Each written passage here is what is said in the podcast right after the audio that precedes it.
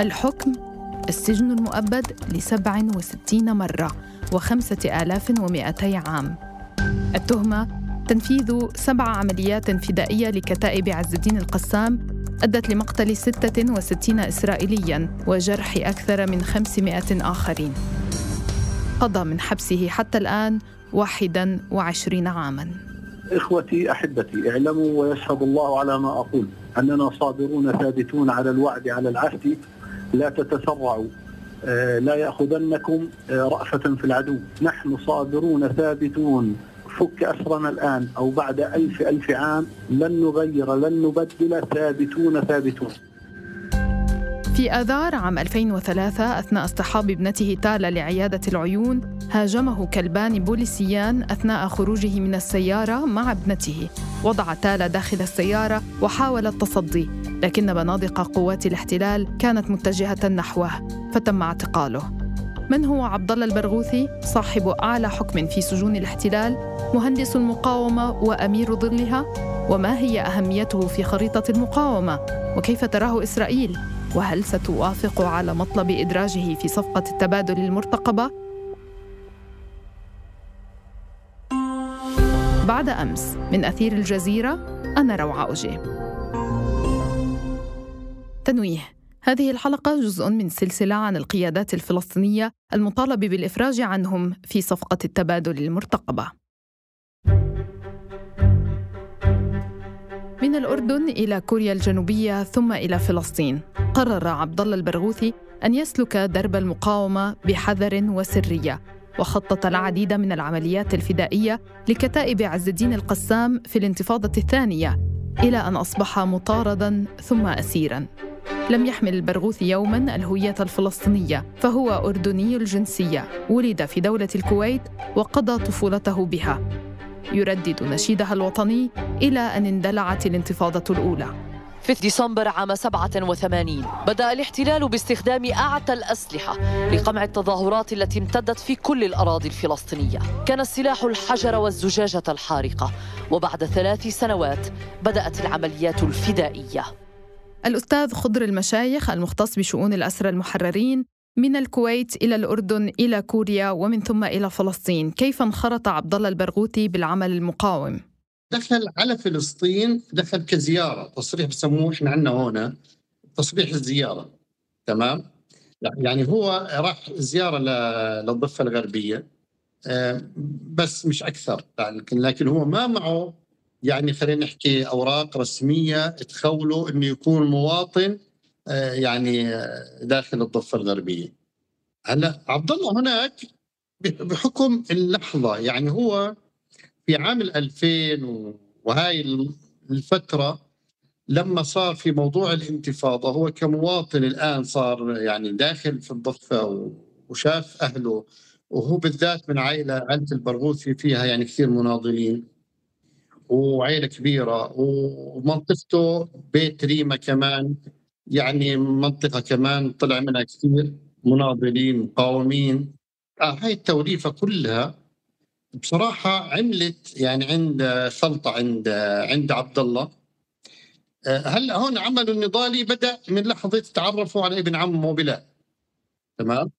هلا بلال البرغوثي كان من الكتائب من كتائب القسام وهنا بدأت رحلة إنه يعني يدخلوا على ملف المقاومة ملف التصنيع العسكري لأنه هناك كان أهم نقطة عندهم كان بالذات في هاي الفترة لأنه كان كثير حريصين على موضوع التصنيع بالذات التصنيع من المواد الأولية اللي صعب أنه تدخل من برا وكان ممكن يصنعوها من الداخل على مستوى البطاطا يعني ممكن يصنعوا من خلالها.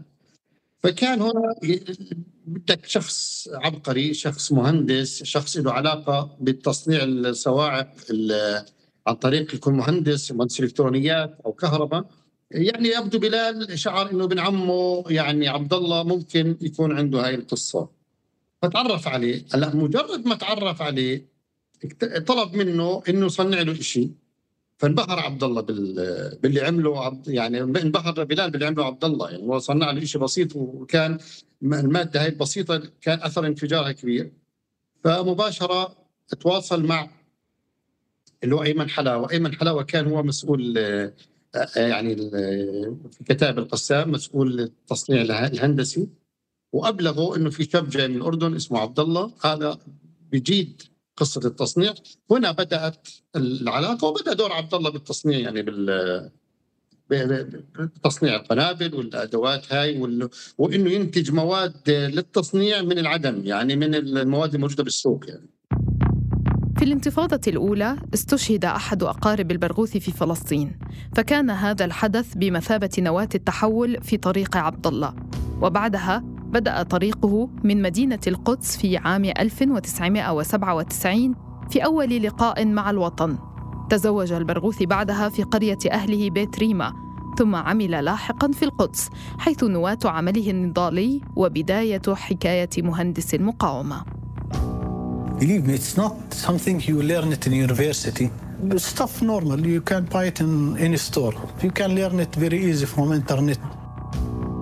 عمل عبد الله البرغوثي اولا في صيانة الأجهزة الإلكترونية ومن ثم في شركة في مجال الفولاذ المنصهر. الأستاذ بلال شلش الباحث في المركز العربي للدراسات والسياسات والمتخصص بالتاريخ العسكري الفلسطيني. لو نريد أن نتحدث عن بدايات عبد الله البرغوثي في المقاومة تحديدا في بداية الانتفاضة الثانية. عاد إلى فلسطين بعد تجربة محياه العملية والدراسة في كوريا ومن ثم عاد إلى فلسطين في عام 1999 هاي تزامن مع بدايات الانتفاضة يعني في نهاية 2000 فتفاعل مع الأحداث ككثير من الناس اللي كانوا بعيدين في لحظة من اللحظات عن البنى التنظيمية الفلسطينية.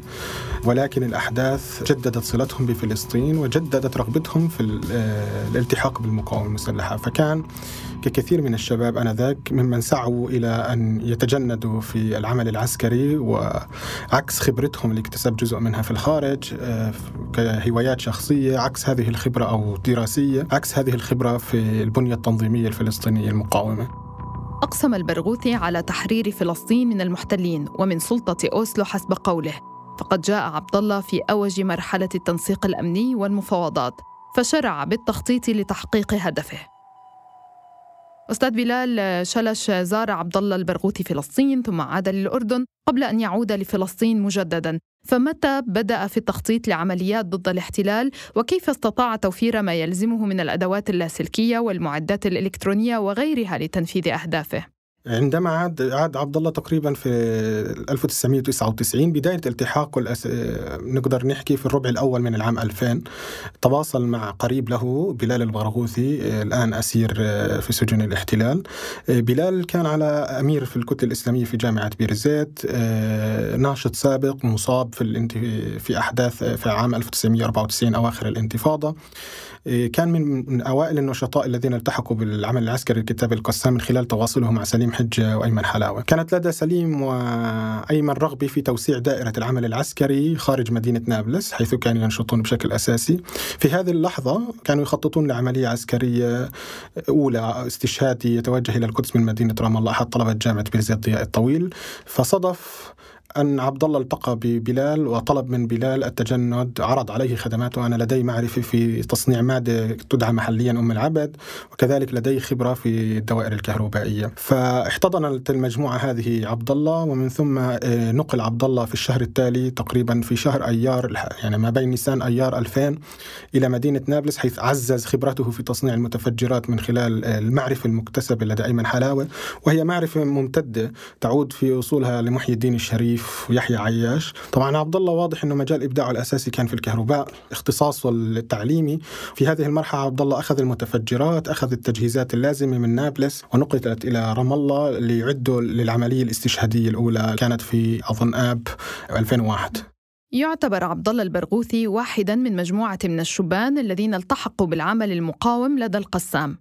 بلال حدثنا عن هذا الجيل وتوجهه للعمل المقاوم. هو عبد الله جزء من جيل ورث ما بعد أوسلو، لحظة ما بعد أوسلو خصوصا مع نهاية التسعينات كانت تقريبا البنية العسكرية لمعظم فصائل المعارضة على رأس الحركات الإسلامية مغيبة في السجون أو شهداء، يعني ما بين معتقل وشهيد خصوصا مع 98 تقريبا وجهت ضربة كبيرة لكتائب القسام في الضفة الغربية بعد اغتيال القائد العام عادل عوض الله. ومن ثم أصبحت كأنه البيئة بيئة مجففة من أي فعل مقاوم في تلك اللحظة.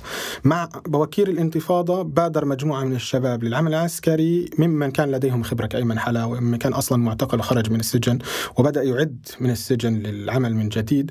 ترافق هذا الشيء مع اهتمام مجموعة من الشباب من طلاب الجامعات من الناس اللي كانت بعيدة عن العمل التنظيمي في العمل. مثلا بالإضافة لعبد الله توجه محمد دغلس على سبيل المثال زميل أيمن في أيمن حلاوي زميل كذلك بلال البرغوثي في الجامعة توجه وطلب منهم هو مباشرة أنه يعمل. وبالتالي عبد الله يشكل نموذج لظاهرة من جيل كان بعيد عن التنظيمات بعيد عن العمل التنظيمي والأحداث أسهمت في إعادة صقله من جديد ليضخ جهد أساسي في آه، البنية التحتية الجديدة لكتائب القسام في القدس بدأ بشراء الحواسيب يجمعها مع بعضها البعض ويوحد قوتها. يقتحم شبكة الاتصالات الخلوية الإسرائيلية كشركة موتورولا وسيلكوم وأورانج.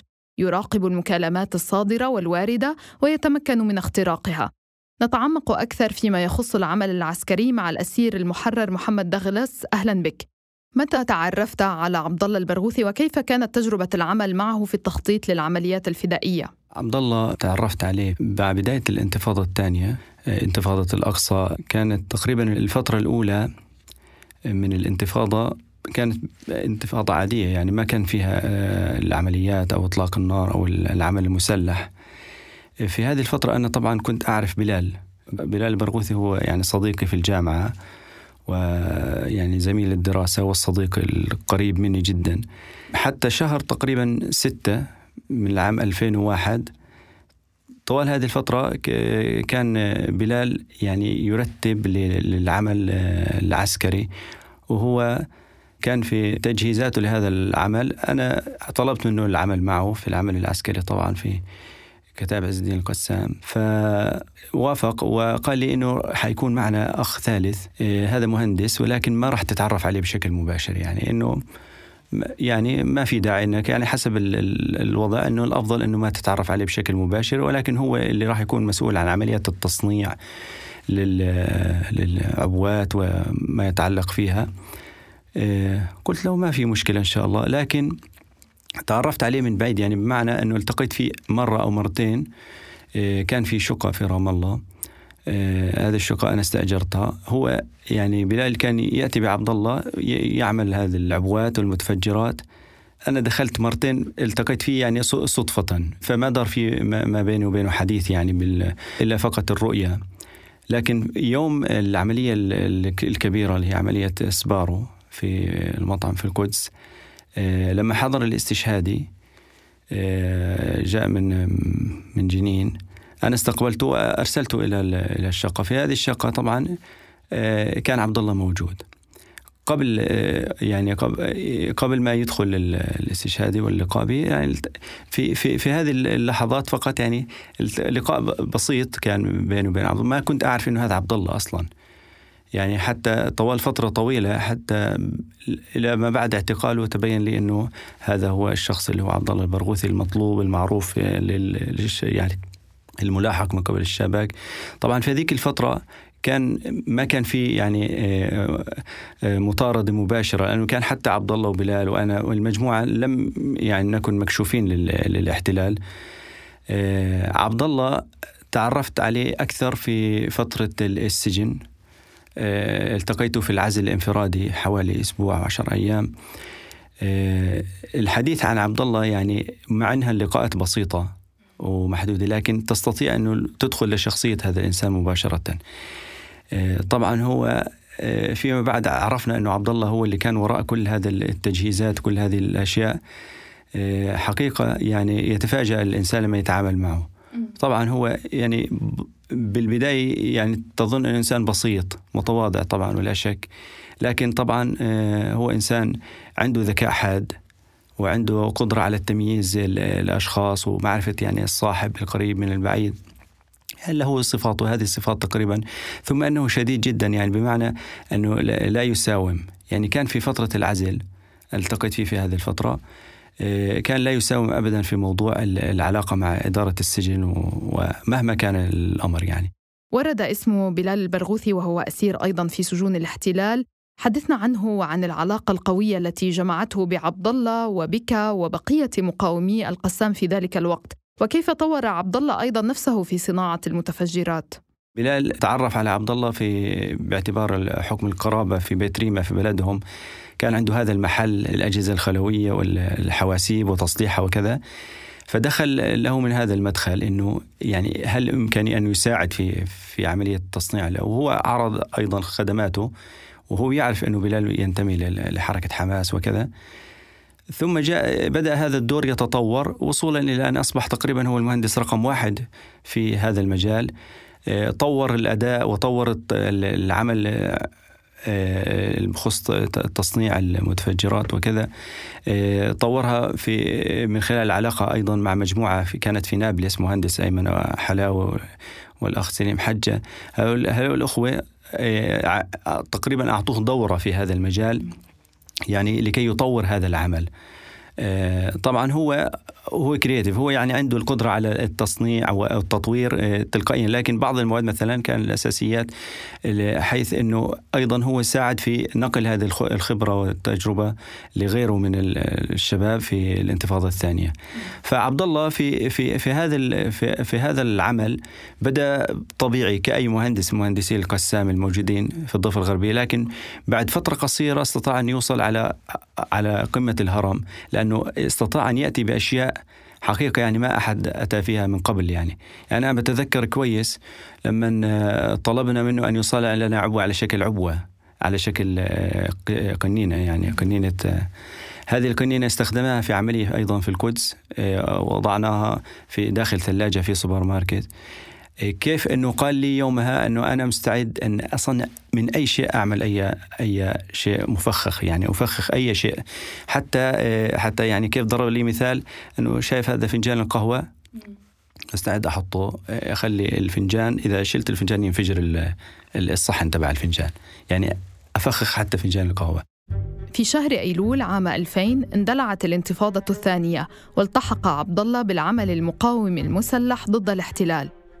على أعتاب الأقصى انطلقت شرارة الانتفاضة الثانية صباح الثامن والعشرين من سبتمبر عام 2000 وأصبح مهندس العمليات الفدائية في فلسطين المجاهد عبد الله البرغوثي أتقن صناعة الجيتار واحترف يعني صناعتها بشكل آه، أن كانت النتائج يعني آه، أذهلت الجميع في تلك الفترة بفضل رب العالمين.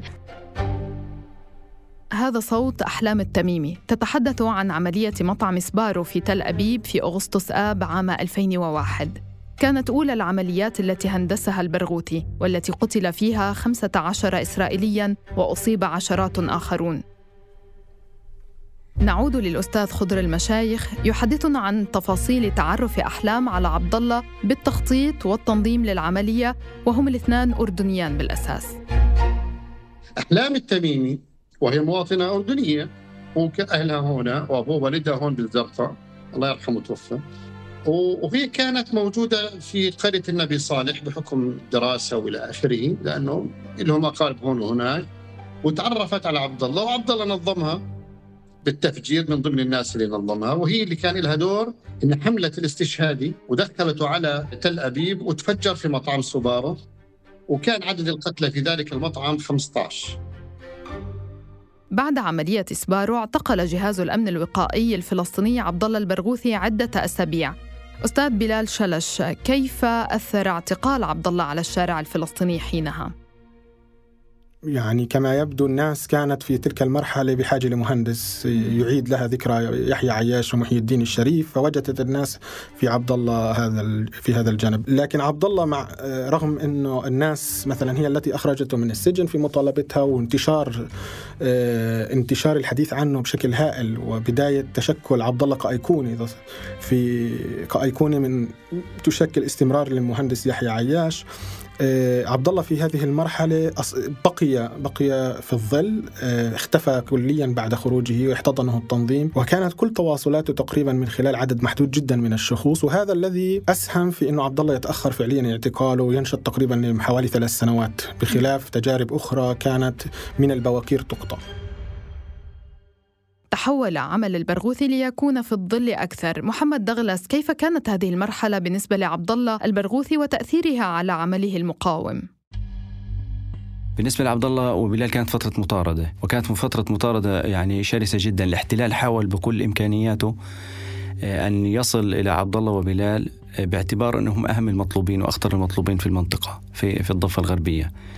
فكان عبد الله يتحرك بطريقة يعني أشبه بالعمل البوليسي المخابراتي. حتى هو كتب هذا في مذكراته في في كتابه أمير الظل كيف كان يتحرك وهو مطلوب. طبعا هو كان يستخدم الجوازات المزورة كان حتى معه جواز أمريكي باعتباره وكان معه شهادة طبيب وهو كان يتقن اللغة الإنجليزية كان يتحرك على الحواجز بالجواز الأمريكي المزور ولا وشهادة إنه طبيب يعني أمريكي وكذا وقادم إلى فتحرك أكثر من مرة لكن طبعا عملية المطاردة عملية صعبة وليست بسيطة.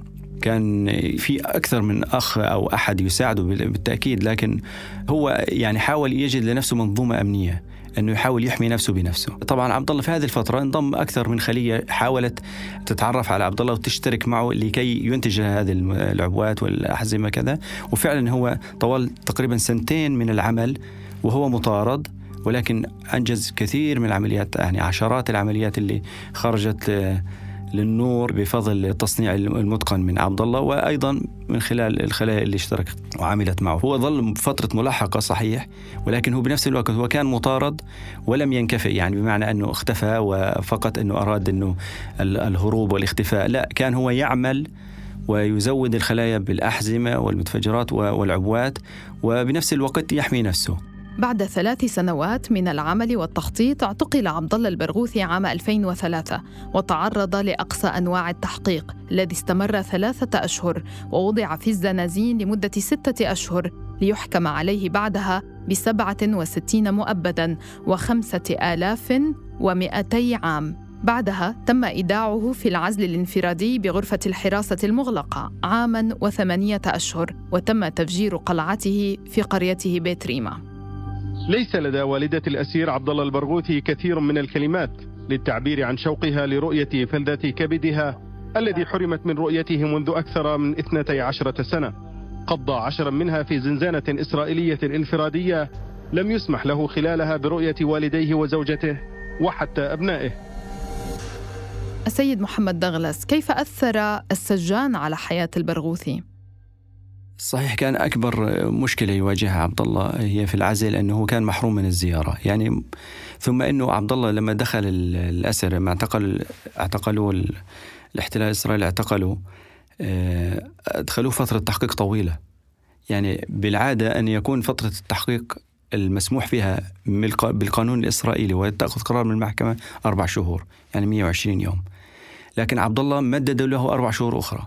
يعني بقي في ال... أنا ما أعتقد يعني مش متأكد بالضبط لكن أعتقد إنه بقي حوالي ست شهور. آه، حوالي ست شهور آه، أو 180 يوم تقريبا داخل زنازين التحقيق. وهذه تقريبا تعتبر نادرة جدا ما حصلت مع أي أسير آخر. سابقا يمكن حصلت مع حسن سلامة الأسير الفلسطيني المعروف. فهي كل الفترة في التحقيق عبد الله يعني فترة كانت قاسية جدا وصعبة جدا. أكملوا هذا بأنه مجرد ما خرج من زنازين التحقيق أرسلوه إلى العزل الانفرادي ولم يلتقي بأي أسير فلسطيني. بقي في العزل الانفرادي تقريبا 10 أو 12 سنة من 2003 حتى 2012 2013 حتى خرج بإضراب مفتوح. يعني الأسرى في سجون الاحتلال قاموا بإضراب مفتوح لأنه كان هو وثلاثة أو أربع أخرى آه، آه، أربع أسرى من في السجون فقط الموجودين في العزل الانفرادي فقام الأسرى بمجموع الأسرى بكلية الأسرى قاموا بعمل إضراب مفتوح للمطالبة بإخراجهم من العزل وبعد حوالي 20 يوم من الإضراب نجحوا بأن يكون مطلبهم يتحقق هذا المطلب بإخراج عبد الله وزملائه المعزولين من العزل الانفرادي. وأنت متى التقيت؟ أنا التقيت فيه تقريبا مش ذاكر لكن 2006 أو 2007 بهذه الفترة آه، كان عبد الله آه، يعني يبدو نقلوه من عزل إلى آخر. فأنا كنت في العزل في عزل في في, منطقة بئر السبع في سجن بئر السبع. فالتقيت فيه في هذه الفترة في من زنزانة إلى زنزانة. يعني أنا كنت أتحدث معه من زنزانة وهو في زنزانة المو... لكن مسموح ممنوع أن نلتقي مباشرة. يعني كان اللقاء هو كان في زنزانة وأنا بالزنزانة المجاورة. لكن لا يسمح عبد الله لم يسمح له بلقاء أي أسير. طوال عشر سنوات تقريبا كاملة لم يلتقي إلا السجان. الكثير من الملفات الخاصة بعبد الله البرغوثي لم تقفل بعد، وما زال الاحتلال يهاب من عقله وإصراره وهو داخل السجن، ما زاد من العقوبات ضده وأدى لحرمانه من أبسط الحقوق مثل الزيارة العائلية. فبعد عشرين عاما استطاعت والدة عبد الله أن تزوره في سجن جلبوع شديد الحراسة لمدة أربعين دقيقة فقط. ثم كان أكثر شيء يؤلمه أنه ما زار أحد من أهله وفعلا استمر منع الزيارة عن عبد الله تقريبا 20 سنة فعلا.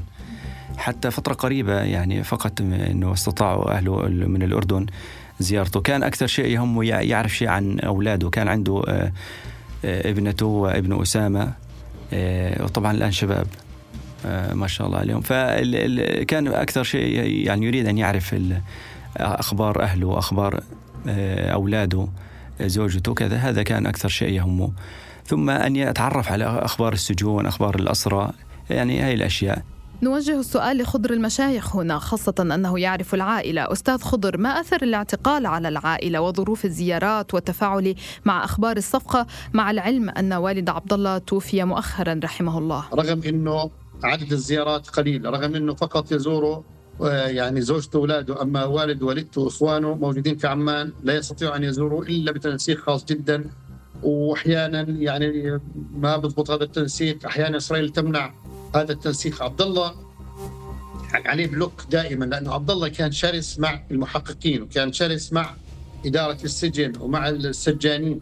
فبالتالي كانوا دائما يحاولوا يضغطوا عليه من خلال منع الزياره، منع الدخول آه الإنجازات كما تسمى اللي هي مثلا تتعلق بال بحاجاته الشخصية، نقله من السجن العام لسجن العزل، آه محاول سحب منه بعض الأمور القراءة، مشاهده التلفاز، وتخيل عزل انفرادي مترين في متر ويقعد فيه مش يوم ويومين ولا ولا سنة وسنتين إلى آخره. يظل في هذا العزل أحيانا فترات طويلة جدا. في أمل كبير الآن لدى أهله لدى والدته ولدى إخوانه إنه عبد الله يكون بينهم آه، قريبا. الجو النفسي أنا لآخر لحظة كان ينتظره آه، والد عبد الله يعني آه، كان مريض. آخر سنوات مرض مرض يعني كان كبير جدا وكان يعني هذا المرض كثيرا ما كان يعني يعني يفتك يكاد يفتك بالرجل لكن كان دائما يصمد لكن عبد يعني حتى كان قبل يعني أسبوعين تقريبا مرض مرض يعني شديد ثم يعني رحمه الله توفي. وكان يتابع دائما الأحداث يتابع الأخبار. ويدرك إنه عبد الله راح يكون على رأس القوائم. وكان دائما يحكي لي عبد الله راح يخرج عبد الله راح يطلع. في عام 2015 ومن داخل السجن وجه رسالته للمقاومة الفلسطينية في غزة عن طريق إحدى الإذاعات الفلسطينية فقامت سلطات السجون بعزله في زنزانة انفرادية ومن ثم أعلن الإضراب المفتوح عن الطعام. إخوتي أحبتي اعلموا ويشهد الله على ما أقول. أننا صابرون ثابتون على الوعد على العهد. لا تتسرعوا. آه، لا يأخذنكم آه، رأفة في العدو. نحن صابرون ثابتون. فك أسرنا الآن أو بعد ألف ألف عام لن نغير لن نبدل. ثابتون ثابتون. بلال شلش لو تحدثنا عن مسيرة البرغوثي في غياهب السجون ودوره كذلك في الحركة الأسيرة الفلسطينية. يعني عبد الله واحد من أبرز رموز الحركة الأسيرة لأنه يحمل اولا الرقم الأعلى في في الأحكام 67 مؤبد. هذا رقم تاريخي لم يتجاوزه ولم يسبقه أحد. لاحقا عبد الله كان من أوائل أو من أكثر الناس الذين آه، فرض عليهم ما يسمى بالسجن الانفرادي. آه، لفترات طويلة جدا بالمقارنة مع غيره من الأسرى ورمزية عبد الله السابقة أيقنة عبد الله قبل اعتقاله تواصلت بعد الاعتقال مع الظروف الجديدة التي فرضت عليه تعامل الاحتلال معه كاستثناء. بعض المشاهد المصورة التي خرجت لعبد الله وتظهر كيف الصهاينة بيعملوه بشكل استثنائي. كل هذا أسهم في تعزيز هذه الأيقنة لعبد الله لاحقا طبعا عبد الله آه، أصدر مجموعة من النصوص التي أسهمت في تعزيز هذه الأيقنة وأسهمت في تعزيز حضوره كأسير بالإضافة لتعزيز حضوره في تجربته التاريخية السابقة. لو اضطرت إسرائيل لترك أرضها لأي سبب كان فإنها ستأخذ عبد الله البرغوثي معها. هذا ما قاله الضابط الإسرائيلي المسؤول عن ملف الأسير البرغوثي. محمد دغلس عند اعتقالك تعرفت أكثر على عبد الله البرغوثي. حدثنا عن شخصيته داخل الاعتقال وخاصة في العزل الانفرادي. عبد الله تعرفت عليه أكثر في فترة السجن.